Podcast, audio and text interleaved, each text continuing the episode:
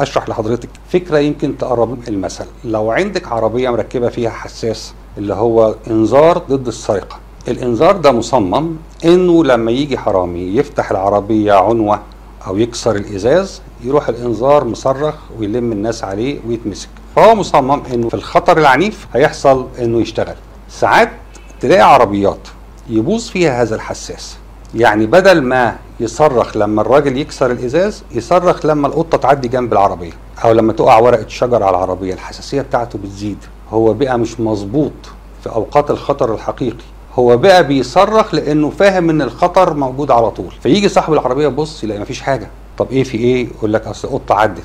طب إيه اللي حصل؟ أصل ورقة شجر وقعت عليه. فيروح على طول واخد العربية يروح للراجل الكهربائي يقول له صلح لي الإنذار صلح لي الحساس. ده مش مظبوط. ده بيزمر على طول. أجسامنا بنفس الطريقة دي. ذهنياتنا بنفس الطريقة دي. إحنا مصممين إن أمام الخطر الحقيقي نتأهب وندافع ونتحرك. لكن في مرات الحساس بتاعنا الإنذار بتاعنا تحصل فيه مشكلة. فيبتدي يعمل إيه؟ يصرخ مع كل حاجة. حد خبط على الباب يصرخ. حد ما خبطش على الباب يصرخ. اتصلوا بينا مرتين ثلاثة يصرخ. ما اتصلوش يصرخ. حصل حاجة حلوة يصرخ. ما حصلش حاجة حلوة يصرخ.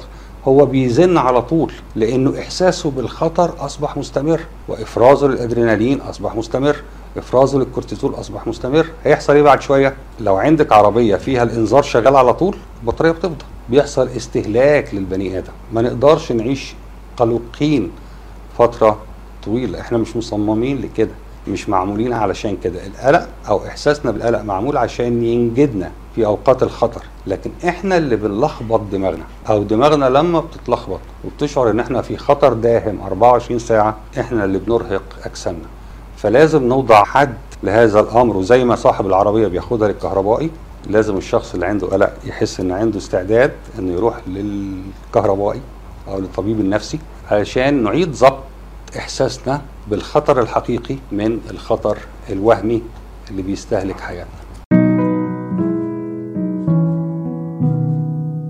طب يا دكتور خلينا نتكلم عن العلاج يا دكتور. هل مثلا في أنماط في التفكير ممكن أشتغل عليها بحيث إن هي تقلل شوية نسبة القلق؟ يعني زي ما يكون تمارين فكرية نعملها علشان نقلل شوية حدة القلق هي في وظيفة نفسية في داخلنا اسمها وظيفة مش مكان يعني وظيفة اسمها الإدراك أو البرسبشن هي فكرة استقبالك للعالم من حولك تفسيرك للأحداث الحادثة من حولك ترجمتك لكل ما يدور حولك من أمور. مثلا إنك لو موجودة في البيت وقاعدة في الأوضة بتاعتك عادي فجأة سمعتي إن صوت حلل كتيرة كركبت في المطبخ. تمام؟ انت على معرفة إن عندك قطة والقطة دي شقية دخلت المطبخ وقعت الحلل. هتلاقي نفسك قاعدة زي ما انت وبتكملي السهرة بتاعتك وبتتفرج على التلفزيون عادي. ما اتحركتيش لأن ترجمتك للأمور. كانت ترجمة في صالح إنه ما فيش حاجة حصلت. لكن لو ترجمتك للأمور قالت أكيد حرامي دخل البيت وبعد ما هيوقع الحلل هيطلع يموتني. فأنا لازم أصرخ والم الدنيا ومش عارف إيه. خلي بالك إنك في الحالتين ما قمتيش من على الكرسي. لا انت قمتي دخلتي شفتي القطة ولا انت قمتي شفتي الحرامي. انت قعدتي على الكرسي سمعتي الكركبة فسرتيها وترجمتيها في ذهنك. عشان كده في شخصيات تميل للتفسير الإيجابي للأمور. إنه لما تحصل حاجة في حياتها تبتدي تقول طيب ماشي هو دي مشكلة حصلت بس أنا ممكن أتداركها وإنه الشخص ده لما عدى جنبي وما صبحش عليا ممكن يكون هو مشغول. وممكن إنه إذا الدنيا ضاقت علينا اليومين دول في الكورونا أكيد بعدها تحصل دنيا أحسن. في ناس نمط تفكيرها وتفسيرها. وترجمتها للأمور بيساعدها إنها ما تكونش قلوقة. لكن في واحد تاني يتبنى تفسيرات مغايره تماما. يقول لك هو ما عداش جنبي وما صبحش عليا لأنه بيحتقرني. مش شايف إن أنا ما استاهلش.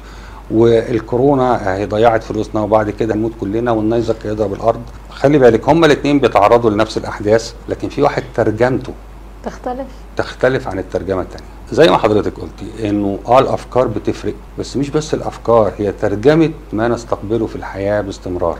أقدر أنا أتبنى ترجمات تساعدني إن أنا أكون أهدى وأقدر أتبنى ترجمات ثانية بتخليني متوتر. ممكن عن طريق مقارنتنا بالآخرين.